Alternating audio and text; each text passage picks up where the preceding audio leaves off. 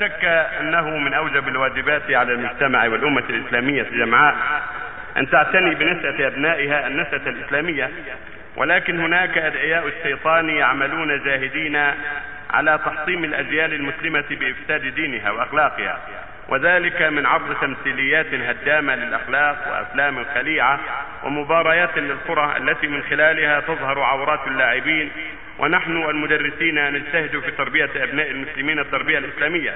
ومجرد ما يخرج الطلاب من المدرسة يجعلون كل ما سمعوه في المدرسة وراءهم ظهريا لتشجيع المجتمع له على ما ذكرته.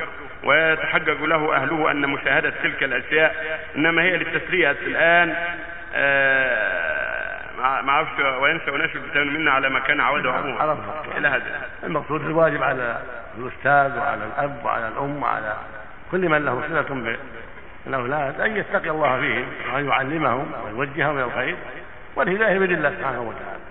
ليس عليك هداهم ولكن الله يهدي به إنك لا تهدي من أحببت ولكن الله يهدي به فالواجب على كل إنسان أن يؤدي ما يستطيع من الدعوة والتعليم والإرشاد المدرس في مدرسته والعضو في الهيئة والأب والأم والأخ وغير هذا. كل منهم عليه واجب. والمجتمعات إذا اختلت وظهر فيها الفساد صعب الإصلاح ولكن لا يعفي الإنسان من أن يؤدي الواجب وأن يتقي الله فيما يجب عليه. والله المستعان.